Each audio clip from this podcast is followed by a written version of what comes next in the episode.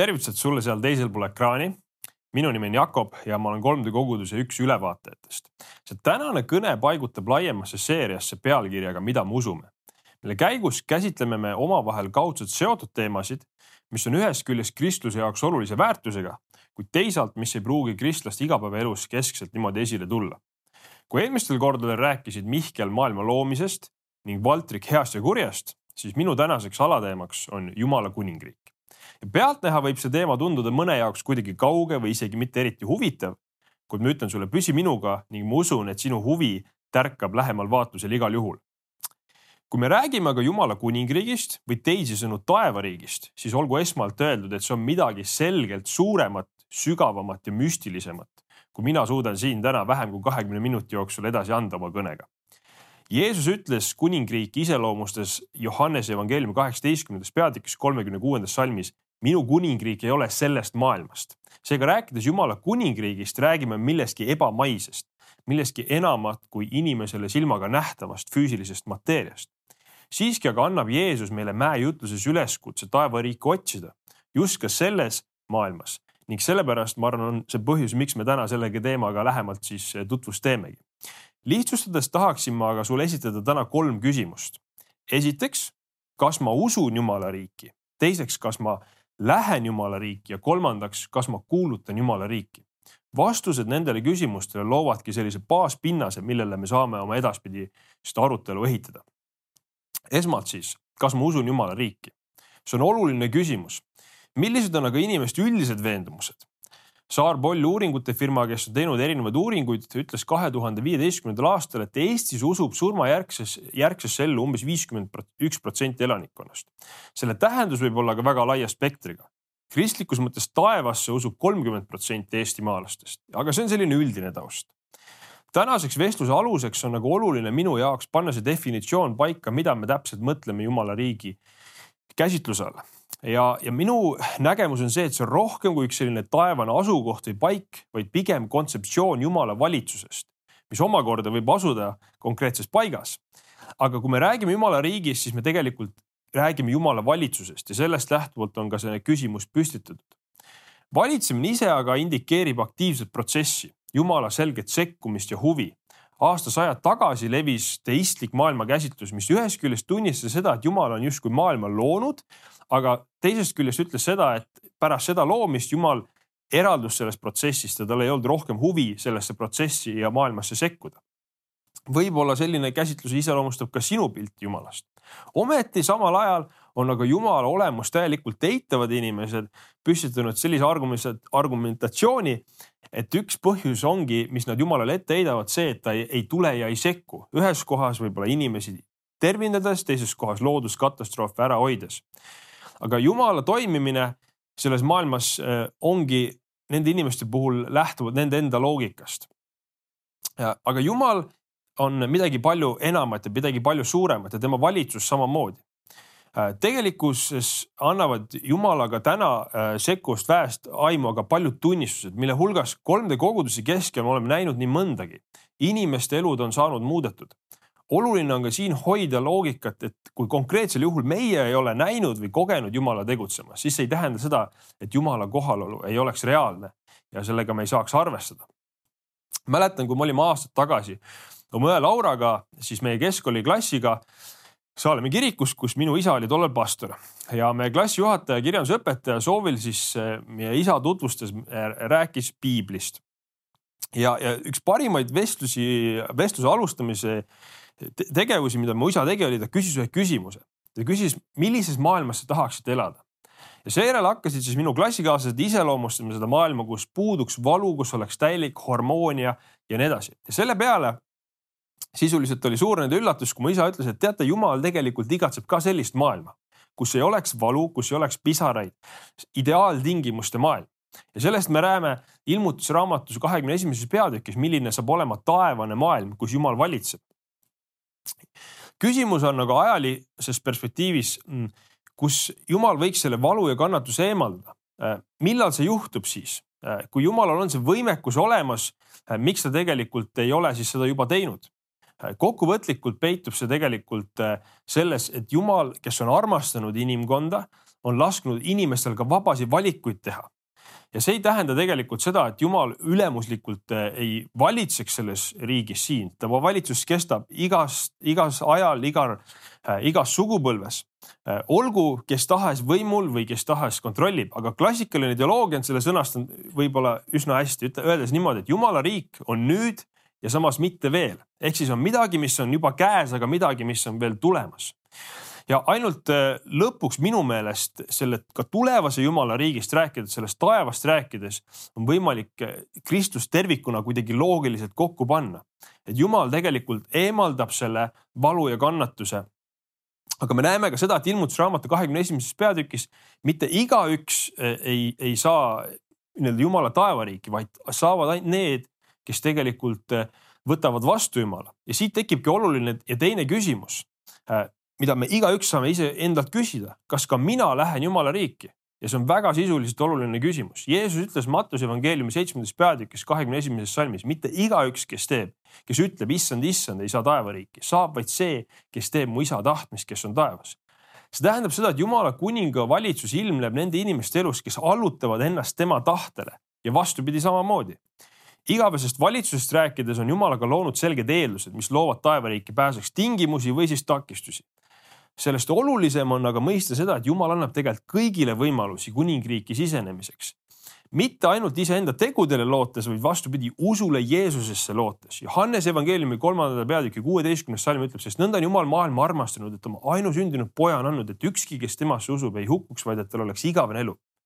siit me võime järeldada seda, et Jumala kuningriiki pääs äh, on tegelikult Jumala enda kätes ja ta pakub seda võimalust nii sinule kui minule ja see, kuidas me selle võimalusega midagi peale hakkame, on meie teha.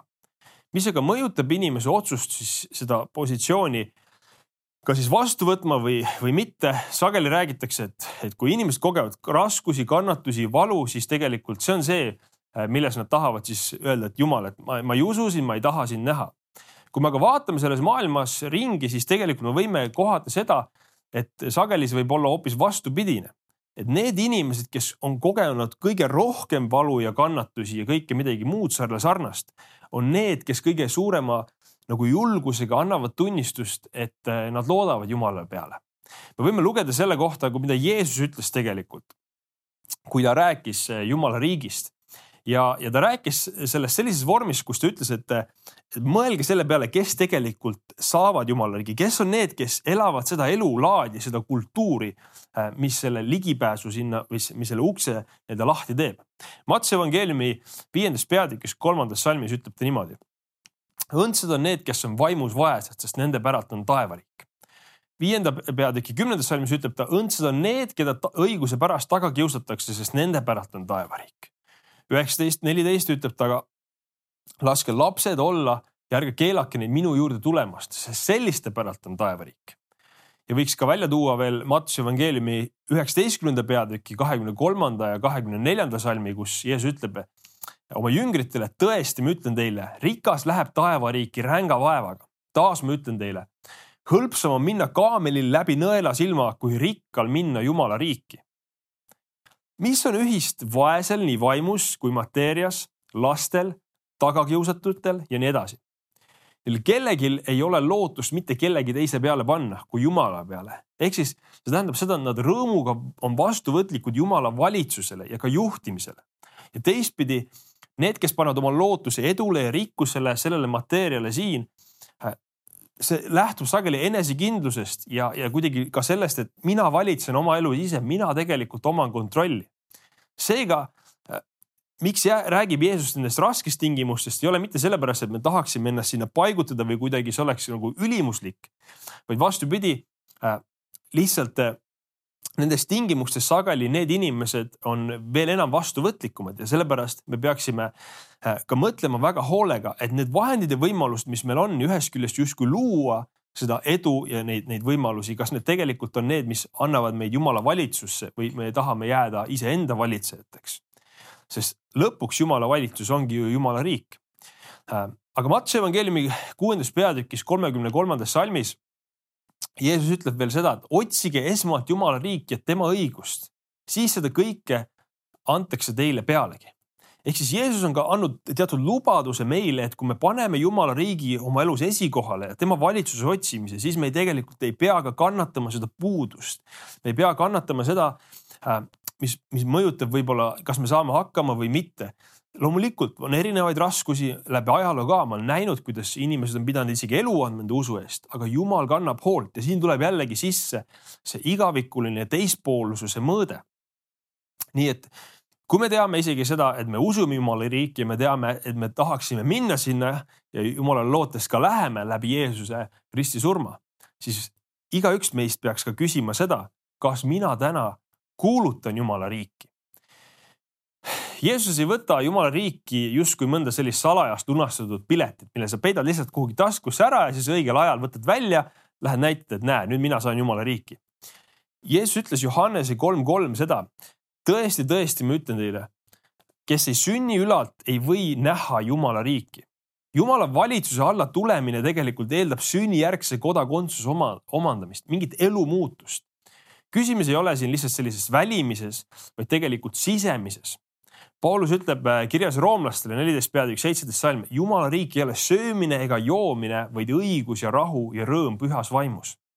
Seega jumala riik ja tema valitsus peab meie elus avalikuks saama läbi tema püha vaimu, kes tuleb meie sisse.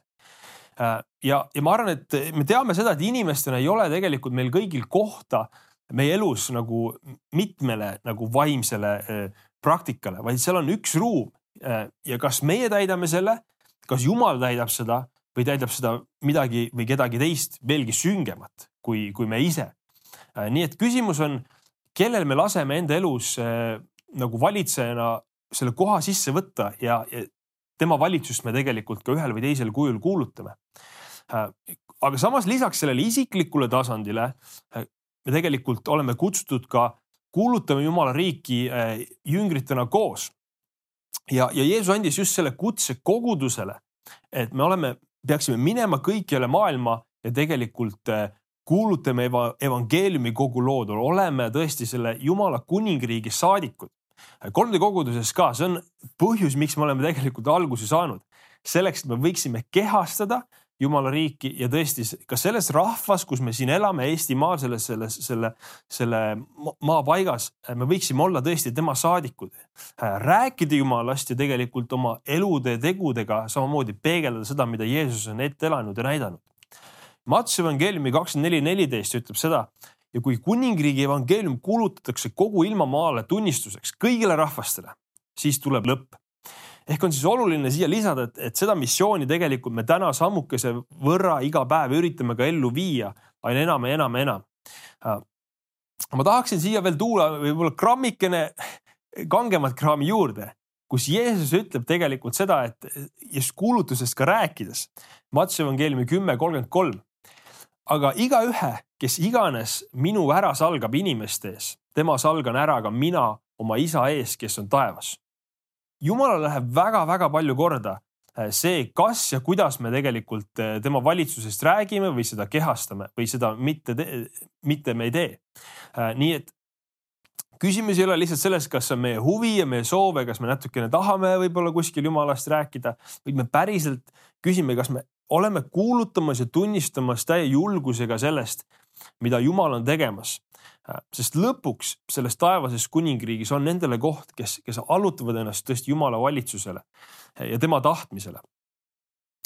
ja kes seda ei tee, siis äh, me näeme seda tekstist, et nende jaoks on äh, ees ootamas põrgu, mis tähendab igavikulist lahutatust Jumalast ja tema tahtest, tema, tema sellise parima taevaliku valitsuse alt ja põrgu teema avamine, ma ei jõua täna sellele keskenduda, sellest peaks võib-olla eraldi kõne tegema selleks, et, et mõista, aga see on sisuliselt Jumala riigi vastand.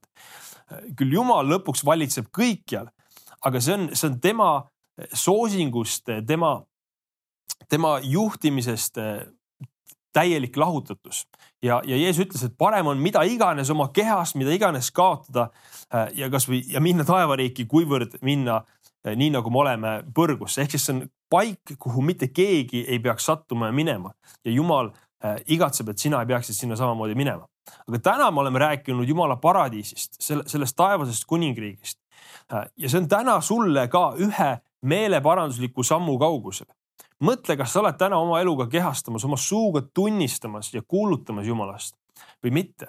ja võib-olla sinu jaoks seda kuulutus ei olegi toimunud sellepärast, et sa ei ole veel oma elu alistunud ja üle andnud Jumalale, siis mina kutsun sind täna seda tegema. tunnistama Jeesus Kristust enda issandana. Äh, ja tõesti panema oma lootuse tema peale. Äh, Hebra kirjas kolmteist peatükk kaheksas salm ütleb, et Jeesus Kristus on seesama eile ja täna ja igavesti. Äh, tema on ka sinu ja minu lootus nii et, et kui me teda oleme juba tunnistanud, siis tähistame seda äh,. usume, et Jumala taevariigis on meile ka koht ja kuulutame seda selleks, et ka kogu meie ümbruskondsed paigad, inimesed võiksid sellest äh, tunda ja kuulda saada. aga, aga kui see otsus on sinu jaoks tegemata olnud, siis nii nagu Jeesus tegelikult ütles ristil surres oma elu andes inimkonna eest, tema kõrval olnud äh, Äh, tõesti ristil naelutatud kurjategijale, et juba täna sa võid olla minuga paradiisis, sellepärast et sa oled pannud oma lootuse minu peale, siis tegelikult selle ühe sammu kaugusel on ka sinu jaoks Jumala valitsus. anname ennast üle Jumalale ja tõesti laseme temal juhtida ja kontrollida. Äh, ma tahaksin selle kõne lõpetada ka, ka palvega, minnes Jumala ette tõesti palvetades seda, et tema riik võiks tulla ja tema kohalolu võiks olla nii selles maailmas siin, mida me täna tajume, kui ka selles, mis saab ühel hetkel olema. nii et äh, ma lähen palvesse ja seejärel võime minna äh, arutelu juurde kogukondadesse, kui sa oled täna kogunenud äh, koos teistega. kallis taevane isa, ma tänan sind, et sinu riik, sinu valitsus võib olla nähtav, võib olla kogetav. Jumal, ja kui on olukordi, kus justkui inimlikult me küsime, kus sa oled, me siiski teame, et, et see on nähtav ja kogetav äh, ka nendel hetkedel ja sa tood oma parima esile. ma palvetan Jumal kõigi nende inimeste ees, kes on täna kuulamas ja kaasa mõtlemas sinu riigist, et me tõesti seda valitsust nagu kogeksime, tunnistaksime, oma lootuse sellele paneksime ja oma elud sulle üle annaksime. Jeesus, õnnista neid vestlusi, neid mõttevahetusi, mis siis täna sünnivad selleks, et tõesti sinu kuningriik võiks tulla ja levida kõikjal. amen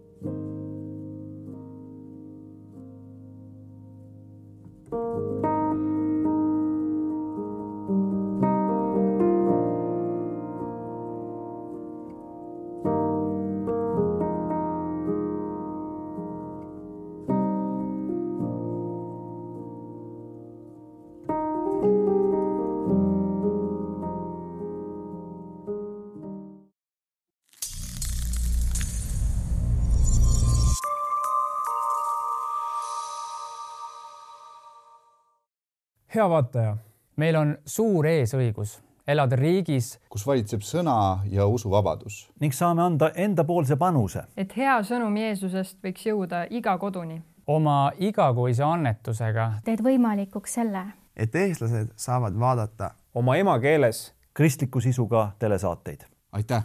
sinu panus on oluline